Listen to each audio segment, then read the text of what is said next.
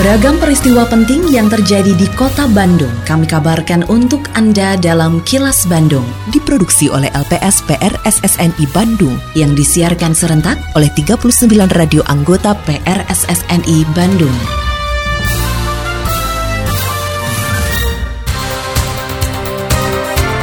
Sejumlah informasi aktual kami hadirkan untuk Anda dan inilah informasi utamanya. Pembangunan gedung untuk maksimalkan pelayanan publik Monumen Perjuangan Jawa Barat selesai direvitalisasi. Polisi perketat keamanan antisipasi aksi terorisme di malam tahun baru. Saya, Santika Sari Sumantri, inilah kilas Bandung selengkapnya. Pemerintah Kota Bandung meresmikan 32 gedung kantor badan, dinas kewilayahan dan layanan kesehatan. Sumber dana pembangunan gedung-gedung perkantoran tersebut berasal dari anggaran rencana kerja pembangunan daerah atau RKPD dengan total 127 miliar rupiah. Penjabat Wali Kota Bandung Bambang Tirto Yuliono berharap dengan bangunan yang baru, para petugas mampu memberikan pelayanan terbaik pada publik. Dari 32 gedung, pembangunan 23 di antaranya sudah tuntas, sedangkan 9 gedung lainnya ditargetkan selesai sebelum 31 Desember mendatang. Menurutnya dengan hadirnya gedung baru dan meningkatnya pelayanan kepada publik, maka pembangunan di kota Bandung harus lebih akseleratif. Tapi saya yakini betul, sebelum tanggal 31 ini sudah semuanya selesai dan bisa diresmikan di antaranya. Kemudian catatan yang penting bahwa tugas uh, aparatur ya aparatur negara ini adalah memberikan pelayanan kepada masyarakat. Oleh karenanya dihimbau dimintakan kepada teman-teman yang bangunan gedung perkantorannya itu diperbaiki ya dan dibangunkan yang baru dimintakan untuk lebih meningkat kinerjanya dekati masyarakat pembangunan di kota Bandung harus lebih akseleratif 127 miliar untuk 32 bangunan akumulatif. Yang terbesarnya di Stakar ya kantor di Stakar. Tidak semua pembangunan gedung perkantoran dilakukan mulai dari awal karena ada yang hanya berupa renovasi. Sekretaris Daerah Kota Bandung Emma Sumarna mengatakan beberapa kantor yang dibangun mulai nol adalah kantor Kecamatan Kiara Condong, kantor Kelurahan Cisaranten Kidul, Kelurahan Jati Handap, kantor Dinas Tenaga Kerja dan dua puskesmas. Pembangunan dari awal antara lain dilakukan karena kantor pindah dan menempati lahan baru, sedangkan yang lainnya hanya berupa renovasi berat dan sedang. Menurut Emma, pemerintah kota Bandung didampingi pihak Kejaksaan Negeri untuk menghindari potensi yang berimbas pada pelanggaran hukum.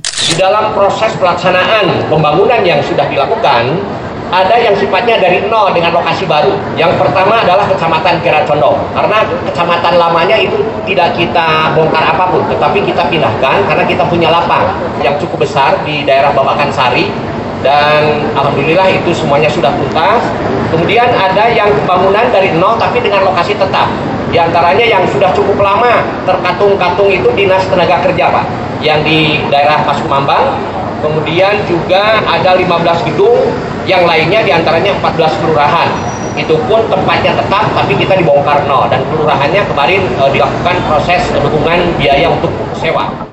Proyek revitalisasi Monumen Perjuangan Rakyat Jawa Barat atau MONJU sudah selesai dilaksanakan. Penjabat Gubernur Jawa Barat Bay Mahmudin memanfaatkan area publik yang menjadi kebanggaan Jawa Barat tersebut dengan turut menjaga keindahan dan kebersihannya. Menurut Bay, untuk menjaga keamanan, kenyamanan, dan kebersihan kawasan Monju, pihaknya akan menempatkan petugas khusus dari pemerintah Provinsi Jawa Barat. Sedangkan terkait kemungkinan menjamurnya pedagang kaki lima atau PKL, Bay menyebutkan penjabat wali kota Bandung sudah berkomitmen untuk melakukan penataan. Ini saya meresmikan revitalisasi Monumen Perjuangan. Sekarang direvitalisasi dan untuk kepentingan masyarakat, untuk masyarakat berkumpul di sini. Tapi itu saya ingatkan, jaga kebersihannya. Dan tadi Pak PJ Wali Kota berjanji akan menata PKL langsung, jadi tidak boleh masuk.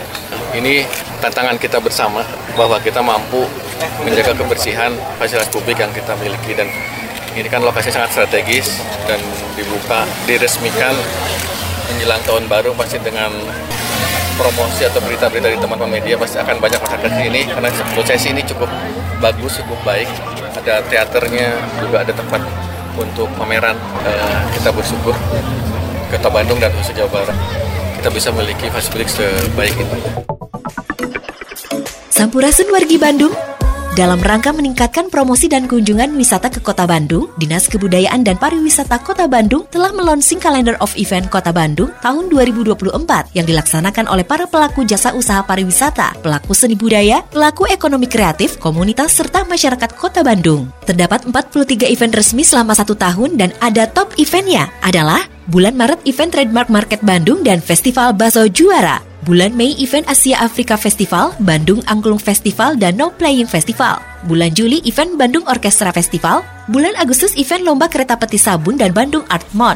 Bulan September event Bandung Grid Sale dan dirangkaikan dengan launching Calendar of Event 2025. Bulan Oktober event Playlist Festival 2024. Untuk informasi lebih lanjut bisa menghubungi Dinas Kebudayaan dan Pariwisata Kota Bandung atau melalui media sosial resmi melalui @tic.bandung atau @disbudpar.bdg. Yuk sampaikan kepada teman, sahabat, saudara Anda untuk kalender of event Kota Bandung 2024. Hatur nuhun. Pesan ini disampaikan oleh Dinas Kebudayaan dan Pariwisata Kota Bandung. Kini, audio podcast siaran Kilas Bandung dan berbagai informasi menarik lainnya bisa Anda akses di laman kilasbandungnews.com. Kementerian Pendidikan, Kebudayaan, Riset, dan Teknologi atau Kemendikbudristek berupaya mengusulkan agar jalur rempah termasuk warisan budaya tak benda yang diakui oleh Organisasi Pendidikan, Keilmuan, dan Kebudayaan Perserikatan Bangsa-Bangsa atau UNESCO. Kepala Balai Pelestarian Kebudayaan Wilayah 9 Direktorat Jenderal Kebudayaan Kemendikbudristek Dwi Ratna Nurhayarini mengatakan, upaya jalur rempah masuk dalam daftar UNESCO sudah dilakukan sejak tahun 2019 dan ditargetkan bisa terrealisasi wujud pada tahun 2024 mendatang. Untuk mewujudkan hal tersebut perlu riset yang komprehensif serta dukungan dari berbagai pihak. Dwi berharap riset jalur rempah tidak menghadapi kendala sehingga bisa berjalan lancar sampai sidang penetapan. Di sisa-sisa tahun 2023 sampai nanti di awal 2024 terus akan ada kajian-kajian akademis yang uh, terkait dengan peradaban yang muncul di sepanjang jalur rempah. Berikut tempat-tempat produsen rempah. Produsennya kan tidak di pantai, produsennya ada di pedalaman jadi sebenarnya ini penggabungan antara pedalaman uh, pantai dan jalur maritim. Ya. Jadi ada banyak hal yang sebenarnya juga bisa diangkat dan kolaborasi atau gotong royong dan keterlibatan banyak pihak dan terus akan tetap didaftarkan di tahun 2020.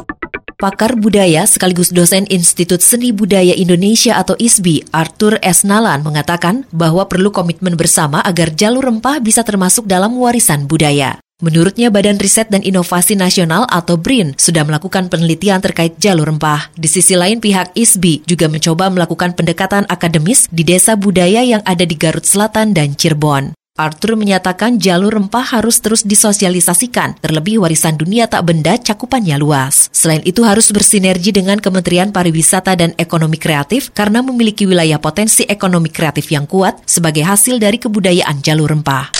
Sementara jalur rempah sendiri memang harus disosialisasikan ya terus-menerus sehingga untuk menjadi warisan dunia, warisan budaya tak benda itu karena luas ya, cakupannya hmm. sangat luas, pengembangannya juga sangat memungkinkan, juga eh, program-programnya sebetulnya harus disinergikan dengan eh, parekraf sebetulnya.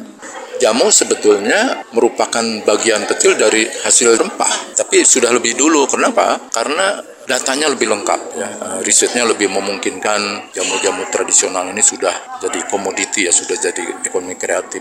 Sementara di jalur rempah ini ada wilayah-wilayah yang belum disentuh sebagai bagian dari risetnya. Kan itu UNESCO itu memberikan itu dengan alasan-alasan yang lebih kuat ya dari risetnya Kepolisian daerah Jawa Barat terus meningkatkan sistem pengamanan pada perayaan Natal 2023 dan Tahun Baru 2024. Upaya yang dilakukan di antaranya dengan melakukan patroli serta deteksi dini untuk mencegah aksi terorisme selama Natal hingga malam pergantian tahun. Kapolda Jawa Barat Inspektur Jenderal Polisi Ahmad Wiyagus mengatakan terorisme masih merupakan ancaman serius yang perlu serius ditangani. Oleh karena itu pihaknya sudah memerintahkan kepada seluruh jajaran Polda Jabar untuk melakukan upaya deteksi dini dalam mengantisipasi kegiatan terorisme. Ancaman terorisme juga menjadi tantangan yang serius. Untuk itu, kedepankan deteksi dini dan preventive strike untuk mencegah pelaku teror melancarkan aksinya, serta lakukan penjagaan ketat pada pusat keramaian maupun tempat ibadah agar kita dapat memastikan tidak ada letupan sekecil apa pun dalam pelaksanaan ibadah Natal ataupun malam pergantian tahun. Terima kasih Anda telah menyimak kilas Bandung yang diproduksi oleh LPSPR SSNI Bandung.